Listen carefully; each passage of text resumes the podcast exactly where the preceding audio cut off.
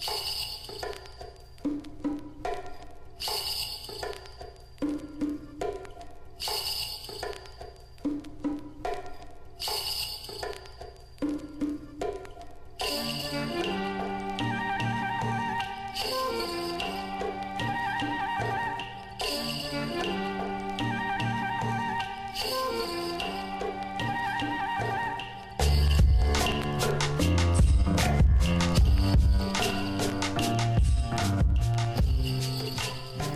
Í heimildamyndinni Guitulierchö eða Vestin heim er fjallað um farandverkafólk frá Sichuan héraði sem starfar í Dongguang borg í Guangdong héraði í suður Kína. Þar vinna þau í verksmiðju við að sauma gallabuxur, önnur föt og muni sem svo eru seldir á netinu og seldir víðsvegar um heiminn. Farandverkafólkið vinnuð í verksmiðinni flesta daga, allt árið um kring og fær bara frí einu svona ári. Peningarnir sem fólkið fær fyrir vinnu sína eru svo sendir heim til þess að borga fyrir mentun og tryggja framtíð barnana. Á meðan þau vinna í verksmiðinni býða bæði börnin þeirra eftir þeim í Sichuan í gæstlu ömmu þeirra sem fæðir og klæðir á meðan foreldrarnir vinna þúsundum kilómetrum frá fjölskyldu sinni. Svo fer kýmveska nýjárið að nálgast. Farandverkafólkið sem kemst ekki á lestastöðina fyrir en það fær loksins frí frá vinnu þarf stundum að býða í röð í heila viku áður en það fær lesta með heim til fjölskyldu sinnar. Þar þurfa þau að býða í tróðningi alls þess mannfjölda sem eru að reyna að gera því sliktið sama, komast heim fyrir kýmveska nýjárið. Ef þau fá loks lesta með það er hann oft mjög dýrkeftur og kannski þurfa þau að standa alla lestaferðina þar sem sæti eru öll uppbókuð. Slík ferð geti tekið nokkra daga og er ekki þægilegt að standa í tróðnum lestavagni svo lengi. Farandaverka fólk er oft úr sveitum og þurfa þau því að leggja á sig mikla ferð til að komast heim til Lao Jia eins og gerðan er sagt á kýmvisku þegar talað er um þann stað þar sem maður ólst upp á. Það sem gerir það ekki skára er allur mannfjöldin sem er að gera slíktið sama á nákvæmlega sama tíma með sitt og sína. Námsmenn í námi ellendis áleið heim og einfallega fólk starfandi í öðrum borgum sem vil komast heim til sín og njóta hátíðana í faðmi fjölskyldunar. Um miðbygg 20. aldar byggur 90% allra kynverja í sveitum. Fljótlega, eftir að landið opnaðist aftur að 8. áratug aldarinnar, byrjaði fólk að flikjast til borgarlandsins í leita betra lífi, handa sér og sínum. Þessi þróun á sér enn stað og er fólk í auknum mæli að ferðast á milli sveita og borga.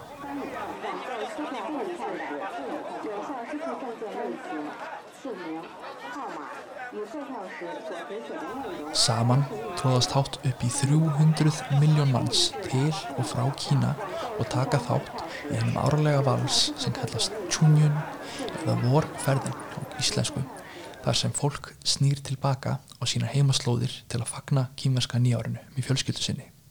Þetta er fjölmennasti fólksflutningur jarðarnar og gerist hann árlega á sama tíma um það leiti er kýmverska nýjárið gengur í garð.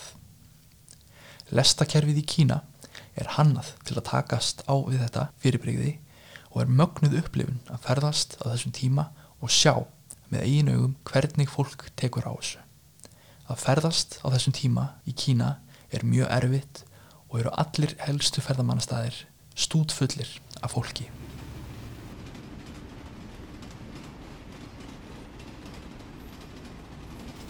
Á ferðalagi mínum Kína spurði ég mann í sömu lest og ég út í það hvernig honum finnst að ferðast heim um nýjárið. Hann hugsaði sig aðeins um og leit út á klukkan. Svo hristi hann bara hausinn og saði away eða það skiptir ekki máli og velkomin til Kína. Hér, hér er bara mikið af fólki en, en það breytir ekki menningunni. Það breytir ekki siðunum okkar og ábyrðinni sem lífinu fylgir. Í heimildamindinni við heimkomu brjótast upp mikil fagnaðalæti og börn hlaupa til fólkdra sinna þegar það sérst þið þeirra ganga upp hlýðina með stóran taupoka á bakinu sem er svo gerðan tengdur við farandverka fólk þegar maður ferðast með lest í Kína þá má maður geta sjá farandverka fólk berandi slíka taupoka, tróðfulla með eigum og gjöfum til ættingja heima í þorpinu. Þegar fjölskyldan kemur saman er mikið borðað og drukkið. Farandverka fólkið er hvað til dáða og þakkað er fyrir erfiðisvinnu á höndum þeirra. Orð eins og singula, singula er kastað fram og tilbaka en það eru orð sem að kynverjar nota til þess að viðukenna erfiðisverk hvors annars og dæmi um virðingu þess vegna. Ömmunni er þakkað fyrir að hugsa um börnin og amman hvetur börnin til dáða og læra vel í skólanum svo þau þurfu ekki að ganga í fótspór fólður sinna og gerast farandverka fólk í framtíðinni.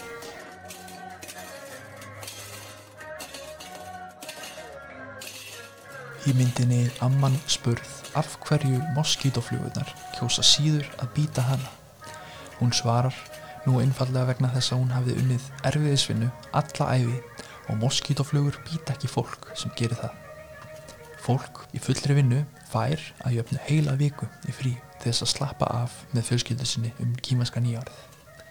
Farandverka fólk fær yfirleitt lengri tíma í ljós þeirra aðstæðana sem að þau lifa við og getur það notið vel áður en það snýr tilbaka aftur til erfriða vinnu sinnar í verksmiðum landsins.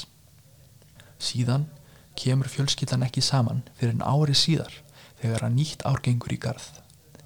Svona endur tekur þetta sig fyrir flest farandverka fólk ár eftir ár og í auknum mæli er ungt fólk að flytja í öllvaksandi stórborgir í leit að betra lífi fyrir sig og afkomendur sína. Þrátt fyrir þetta erfiði og þau átök sem að fjölskyldur leggja á sig vilja flestir allt til þess gera að snúa heim um kímanska nýjárið og fagna því með fjölskyldunni. Annar viðmæliti í myndinni bendir á að farandverka fólk vinni allt árið í kring fyrir börnin og eldra fólkið í þorpinu og að ef fjölskyldan gæti ekki fagna nýju ári saman þá væri lífið tilgáslust. Þessi hefð á sér mörg hundruð ára sögu og hefur hún tíðkast í mörgum löndum Austur-Asju að ári hverju. Í löndum eins og Kína, Japan, Singapur, Kóreu, Vietnam og Malasju, svo dæmi séu nefnd. Árlega eru nýjársháttíðarnar haldnar um allan heim á stöðum þar sem kymversk díaspora hefur myndast.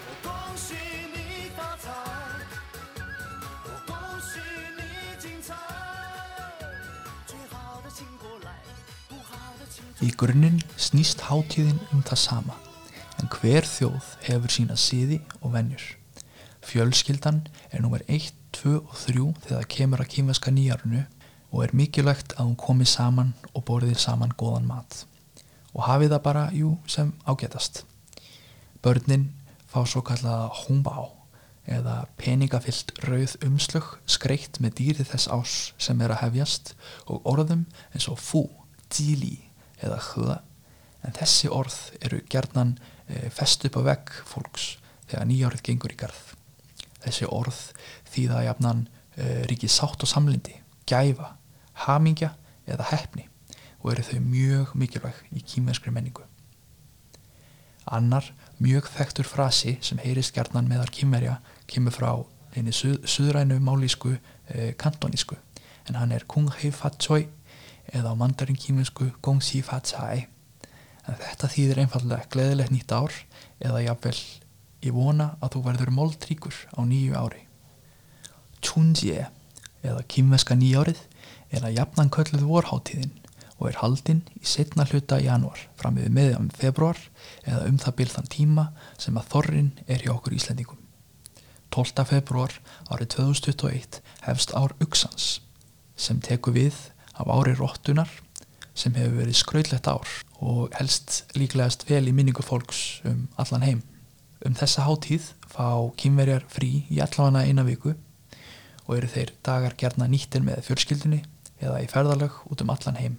Þegar fjölskyldur koma saman er hefð fyrir að borða tjáðs sem eru fylltar, mánalagðar kveitibólur og kveikt er í flugöldum fyrir utan heimili fólks. Dagsetning hátíðarinnar er breytileg frá ári til ás en dagsetning kýmverska nýjársins er ákverðuð samkvæmt ævafornu tungldagatali. Hátíðin hefst á öðru nýju tungli eftir vetrarsólstöður 21. desember en það er einni breytilegt ár eftir ár. Hvert ár hefur sitt dýr. Börn sem fæðast árið 2021 fæðast á ári uksans en dýrin eru 12 talsins og lokast í ringurinn á 12 ára fresti og svona heldur þetta áfram til æfi loka. Þegar fólk skreitir hús sín og garda er gerðna notaður rauður litur sem enginnir hátíðina. Einnig má sjá á gödum svo kallaðan dregadans en slíkt hefur til dæmis tíðkast á nýjársháttíðinni sem er venjulega haldinn af Konfúsius og tofnurinni í tengslum við kýmveska nýjárið í Háskóla Íslands. Þá er haldið upp í gerfi skeppnunar nýjen sem góðsagan segir að hafi farið á milli bæja og getið allan mat, lífsviðværi bæjarbúa og sérstaklega börnið þeirra en það er eftirleitis matur ófreskunar. Engin vissi hvernig ætti að drepa skefnuna þannig að þegar hún kom til bæjar hafði fólkið falið sig í fjöllunum í von um að lifa af árás skefnunar. Sagan segir frá manni með kvítt skegg og þegar hann á ferðarlægi sínu kom í bæ einn um nýjárið. Gömul kona sem var á flotta sá til hans og varaði hún hann við að von væri á skrimslinu nýjen og að hann ætti að flýja með henni upp í fjöllin. Maðurinn hristi bara hausinn og bað gömlu konun að slappa af því að hann kynni eina aðferð til þess að temja skrimslið. Hann baðum að fá að gista í húsi hennar þessa nótt og sagði gamla konan að það veri lítið mál og hraðaspretti hljóbún upp í fjöllin.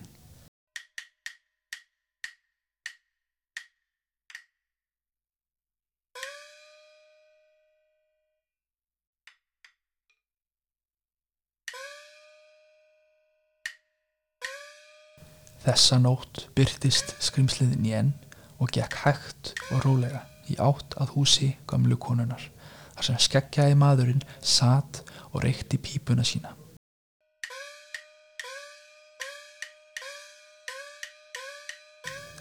Þegar ófreskjan nálgæðist húsið staldraði hún við, skoðaði rauðar skreitingar sem höfðu verið límdar á húsið og reyndi að lesa í táknin sem skreitt voru með litskrúðu um myndum. Allt í einu heyri strönur og læti í flugöldum sem sprungu við hlið þess og var skrimslið skelvingulostið. Því næst var kveikt ljós inn í gamlu húsi konunar og maðurinn með skekkið byrtist klættur rauðum fötum. Þegar skrimslið sá til hans bráð því svo að það hljópi burtu alla leið ofan í hafið þaðan sem það kom.